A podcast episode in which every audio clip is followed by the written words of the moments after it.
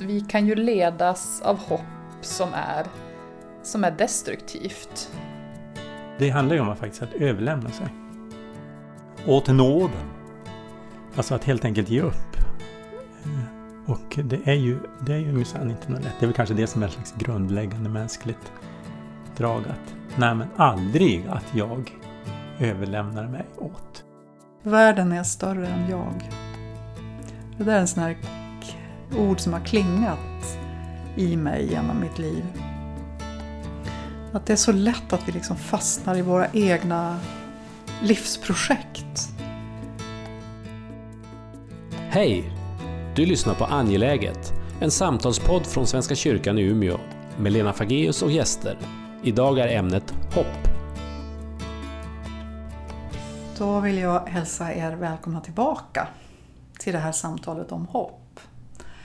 Och med mig i rummet här har vi Elin Brådhall, diakon. Och Lars-Martin Nygren, präst. Och jag heter Lena Fageus och alla arbetar vi och lever i Svenska kyrkan i Umeå. Och vi tänder ett ljus. Precis som inledningsvis i alla samtal. Som en bild för närvaro, både vår egen närvaro men också Guds närvaro. Vi har pratat om hopp och det, det är spännande måste jag säga vad som liksom kommer fram. Vi, har ju, vi förpratar ju alltid de här, de här eh, poddarna men eh, sen vet man aldrig hur det går. vi pratar om andra saker än vad vi gjorde innan. Men nu i alla fall det som vi behöver komma till. För vi avslutade förra gången med att börja, alltså att börja prata om mörkret, om gravarna, om mörkret, om ljuset som finns där närvarande i mörkret och att hur relationen är nära. Och det som vi har varit inne på när vi inför de här, det här programmet också var ju hoppet i relation till hopplösheten och vanmakten jag har ju ibland en känsla av att när man sitter i samtal med andra människor, så, eh, människor som har det svårt, så finns det någon slags, eh, vad ska jag säga, någon slags impuls av att jag vill gärna rädda den här människan. Jag vill gärna säga saker som gör att det blir annorlunda, jag vill göra saker, jag vill komma med tips eller ett råd. Eller, och så Eh, vet jag att det oftast är kontraproduktivt och att det, det, som, det som läker och det som frigör kraften hos den andra det är när jag sätter mig ner och håller, håller mig i armstöden på stolen och eh, håller tillbaka mina eventuella impulser att säga hur livet ska levas eh, och delar den andres vanmakt, den andras känsla av hopplöshet och förtvivlan. Och att det är i den, när jag tillåter mig att bli sådär ovetande på något sätt, så blir det ett vetande som föds hos den andra. Jag vet inte om ni känner igen det här. Mm. Men det är, något, det är någonting som hänger ihop med det där med att ge upp. Och det är mig som, alltså, som samtalspartner när jag, när jag möter en människa i förtvivlan. Men jag tänker att det handlar ju också om när jag är i förtvivlan en förmåga att ge upp. Um, ibland är det ju också helt nödvändigt. Det finns ju hopp som man ska döda. Eller låta dö. Känner ni igen de här tankarna? Har ni några? Jag tänker att vi kan ju ledas av hopp som är, som är destruktivt. Hopp som inte leder oss på väg. Mm. Vi stannar kvar, vi har ju pratat om det, om destruktiva relationer till exempel, är väl ganska vanligt. Och vad är det som tar oss vidare? Men det är ju ett hopp om att det, ska ju, det är inte så här det ska vara utan men till slut så behöver man ju, som du säger, att döda det där hoppet. Ehm, eller sätta sitt hopp i, i någonting annat, i någonting bortom, eh, i en annan riktning. Och det är ju verkligen lättare sagt än gjort. Jag tänker på det där som du började, allra, alltså första gången som du öppnade munnen i det här samtalet. pratade, när du kom med ordstävet om att, hur var det nu? Eh, ja, ja, men det var ju den som lever på hoppet eh, kommer dö av svält.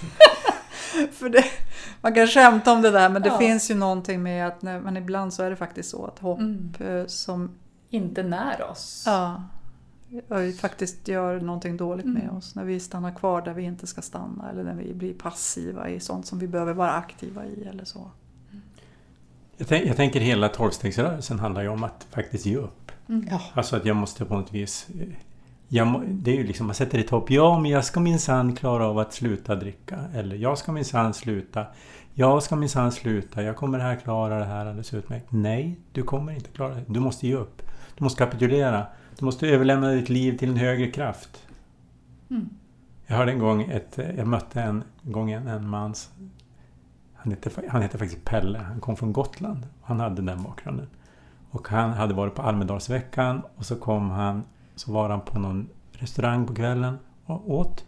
Och så kom kocken ut efter liksom kvällen var över. Och de kom i samtal. Och Pelle här kände på sig att den här kocken han har ju någon slags missbruksproblematik. Så att han... Till slut sa den här kocken. Du måste hjälpa mig. Jag, jag kommer gå, håller på att gå under. Ja men super du eller eh, drogar du eller? Nej, nej. Vi håller på att jobba ihjäl mig. Okej, sa Pelle. Det du ska göra imorgon, det är att du måste överlämna ditt liv åt Gud. Det första du gör på morgonen. Varpå kocken sa Jag tror inte på Gud. Spelar ingen roll. sa det struntar jag i. Huvudsaken du inte tror att du är Gud själv. Ja. Och så sen gick det här berättelsen vidare. Men, men det hände ju någonting med honom där han, när man kapitulerar. Inför, ja i tolvstegsrörelsen, är du den högre kraft. Vi pratar om Gud, uppenbarade Jesus. Alltså det handlar ju om att faktiskt att överlämna sig. Åt nåden.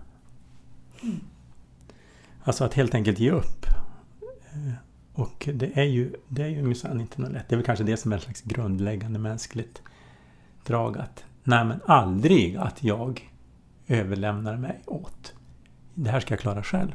Jag vill ha kontrollen. Ja men självklart, det är väl inget konstigt. Det är ju någonstans... mm, Ja, men det är urmänskligt på Ja, ja något men sätt. givetvis. är det- Och så finns det ändå samtidigt någonting att så fort, alltså det, och det är ju, egentligen så finns det ju, om jag vill gå in i en nära relation med en annan person Mm. så måste jag ju ge upp. Jag måste liksom släppa ta, jag kan inte ha kontroll Mm. över vad som händer med mig eller med den andra. Eller, så det är ju också, om vi nu pratar om relation Mm. som någon slags grund, eh, grund för att överhuvudtaget kunna känna hopp så, så är ju uppgivandet av min egen kontroll eh, basen också i de nära relationerna. Så hopplösheten och vanmakten är liksom förutsättningar på något sätt för att kunna känna hopp. Vad säger Bibeln om hopp då? Ja, ska jag börja? Börja du! Om du, om du börjar från början. Börja, Vad var det där för dialekt? Om du börjar från början. Om jag börjar från början. Ehm, ja, men alltså jag tänker eh, hoppet, om vi går till hoppet, alltså hoppet, ankaret, Ja. eh, som vi målar upp bilden av tron, hoppet och kärleken. Ehm, liksom grunden på eh, det löfte som vi har Jets. Eh, om man då ser, den här, om man ser det här ankaret då framför oss som har kastats djupt ner i det här mörka vattnet som vi inte kan se. Vi kan liksom inte ens ana det när vi tittar över båtkanten, men det är där. Och det håller oss liksom stadigt. Inte så att inte båten guppar eller att vi är stilla, men det är liksom ändå någonting som håller oss fast.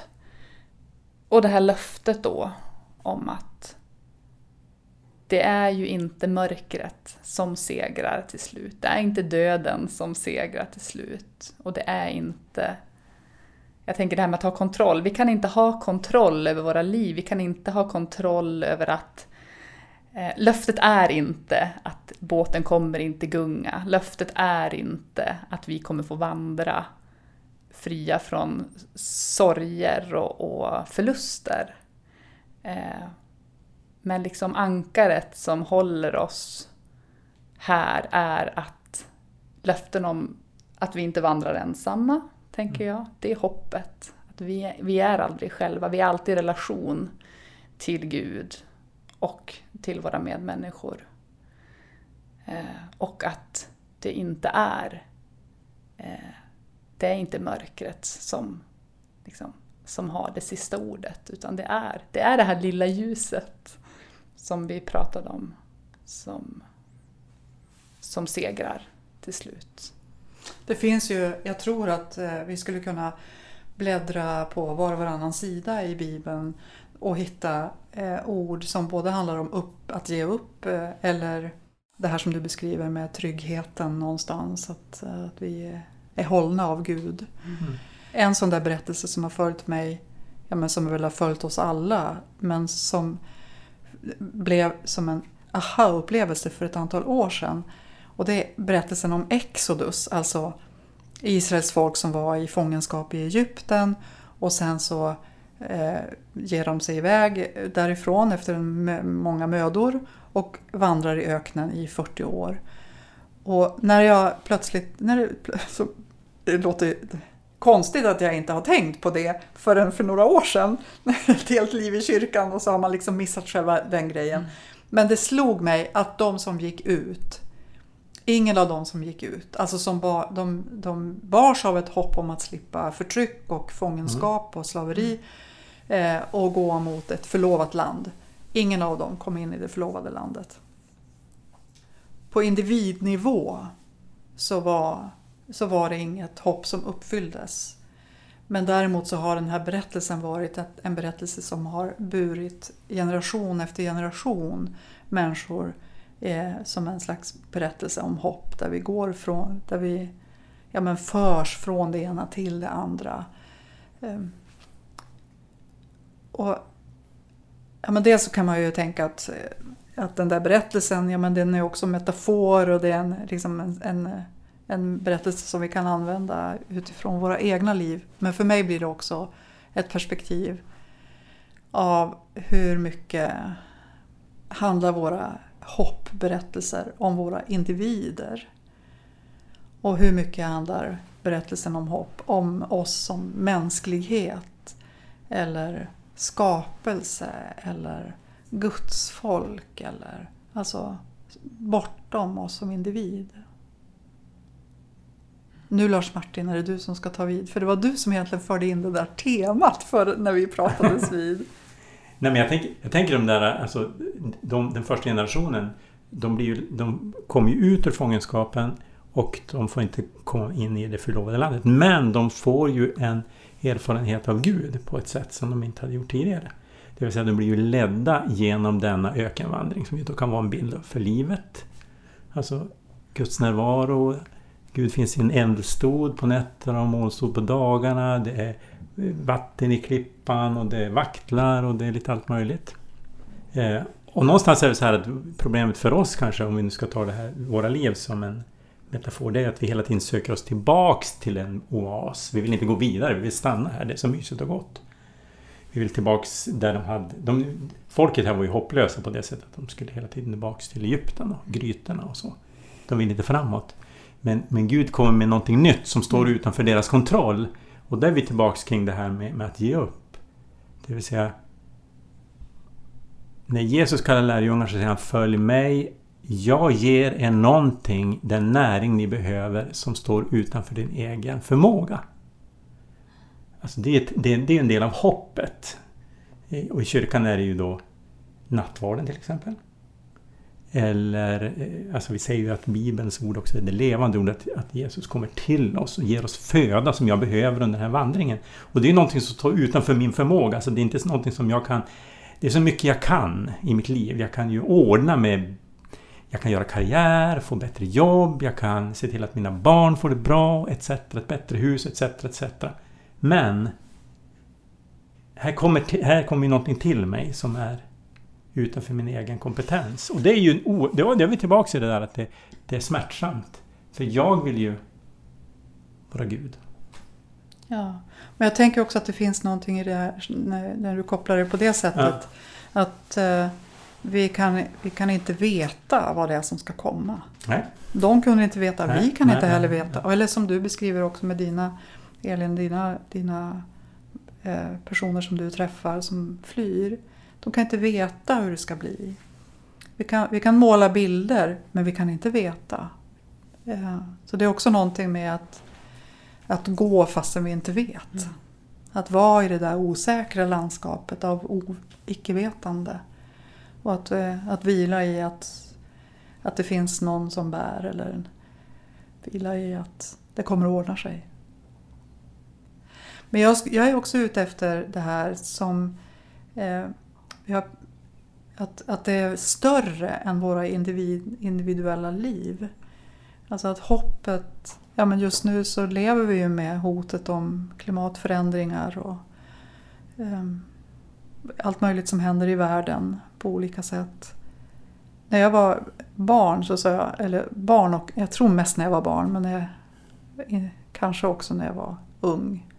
När man stod inför någonting så, så sa, jag, sa jag ofta, eller vi sa ofta, men vad spelar det för roll om hundra år? Mm. Det är inte så särskilt mycket som spelar så stor roll om hundra år. Kunde man ju tänka då. Nu kanske man måste tänka på ett annat sätt för att det spelar roll vad jag gör nu om hundra år. Mm. Men världen är, jag hade en lärare under, eh, när jag gick i Örebro på missionsskolan där som sa, som fick en cancerdiagnos och som så småningom dog. Och han hade ett uttryck som han ofta upprepade och, det, och i synnerhet under sin sjukperiod sa han ofta Världen är större än jag. Det där är en sån här ord som har klingat i mig genom mitt liv. Att det är så lätt att vi liksom fastnar i våra egna livsprojekt. Eh, fastän våra liv är ju som ett... Så är det borta. Mm. Nu får ni säga något. Hur tänker vi om Ja, det- ett spår är ju att vi är tillsammans. Alltså det här frågan kring eh, flykting. När vi, vi pratade om flyktingkris. Man kan fundera om det är Mm. rätt uttryck. Men det var ju det som hände år 2015. Och sen så har vi nu klimatkris. Och Vad- coronakris har vi också. Coronakris såklart. Pandemi. Alltså vad är då församlingens eller kyrkans unika väg i det här? Och det är väl en viktig fråga att ställa sig. Alltså, vi har ju en kallelse då. Att, men vad är det att vara? Nu pratar vi om hopp här, hoppets tecken. Eh, du, pratade om, du pratade om det här med ankaret. Vi är en aktör i samhället. Men vad, är det, vad, är, kan, vad kan vi bidra med? Kan vi bidra med något annat än någon, någon annan? Och om vi nu går tillbaka till berättelsen om Exodus och uttåget ur Egypten så var det inte individerna som gick utan det var ett folk. Och du nämnde det här med kyrkan. Eh, och det, det, det är väl det. Alltså det som vi har, det är väl en gemenskap. Lars Martin, jag skulle vilja att du, att du berättar det där som du berättade innan vi hade förpratet. Eh, när du åkte till Thailand efter tsunami. Ja, just det. Ja, precis. Det var. Det var Hur kom ju... det sig att du var i Thailand? Ja, det var, det var så att, att eh, Svenska kyrkan i utlandet, Lennart Hamark, eh, som då var präst i Bangkok, ingick i ambassadens kris, kri- kristeam. Och de åkte ner till Phuket tillsammans med ambassadören. Och han insåg ju snabbt, här behöver vi få ut folk som kan, eftersom det fanns massor med barn som hade förlorat sina föräldrar.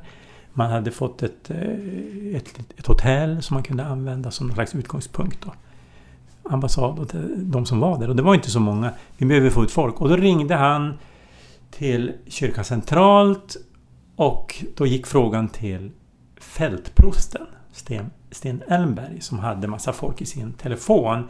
Och då var det så här, ja men vilka kan vi skicka med massa... Det, det var ju massa frågor kring det.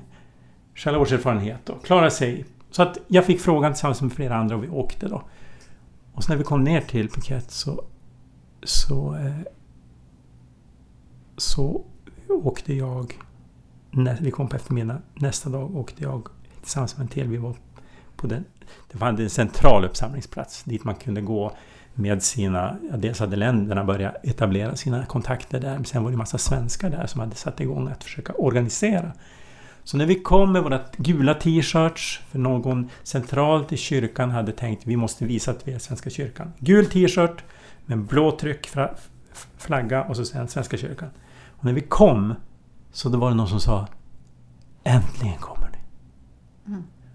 Alltså uttryck för någonting, men vad är det som då kommer? Eh, ja, då kan man ju säga att ja, men det var svenska staten som kom. Nej, men nu var det Svenska kyrkan som kom. Och vad är det då? Och jag kan naturligtvis tolka det utifrån mitt, mitt perspektiv, men någonstans är det vi då är vi inne från det vi pratade om tidigare. Hopp, alltså vad är det för ställföreträdande hopp som jag kommer med? Eh, är det normalitet? Är det att, att eh, eh, saker och ting kommer att ordna sig? Är, det någon som lyssnar? Är det någonting större? Alltså, kom, kan vi ordna upp? Alltså, vad är det egentligen som ligger i det uttrycket? Äntligen är ni här. Det är jätteintressant tycker jag. För jag, jag tror ju att, att Eh, vi behöver axla en, eh, vad ska man säga, en uppgift som, eh, som har de här dimensionerna. Alltså, mm. Vad behövs i den, den här världen idag? Ja, men det behövs en röst som, som, eh, som visar på hopp. Det behövs en röst som, eh, som vågar stå upp för människovärde och, och rättvisa och, och så. Och att vara, att vara tydlig och synlig med det som, som finns i vår, vårt evangelium. Ehm. Ja. Vi ska börja avrunda också det här avsnittet. Och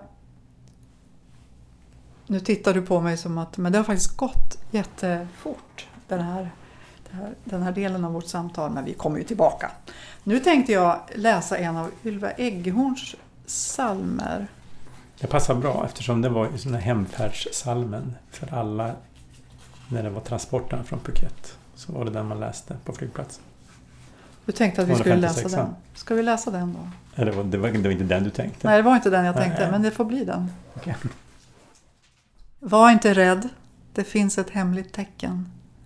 Ett namn som skyddar dig nu när du går.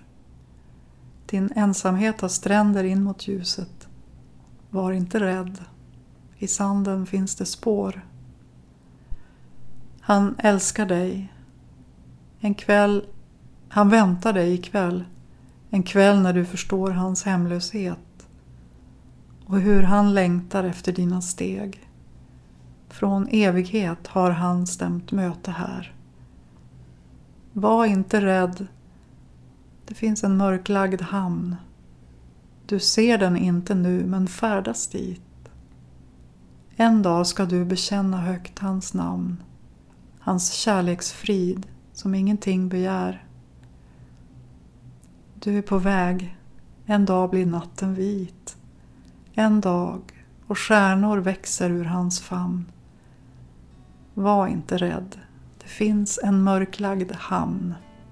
Du ser den inte nu, men färdas dit. Tack för nu. Tack för att du har lyssnat.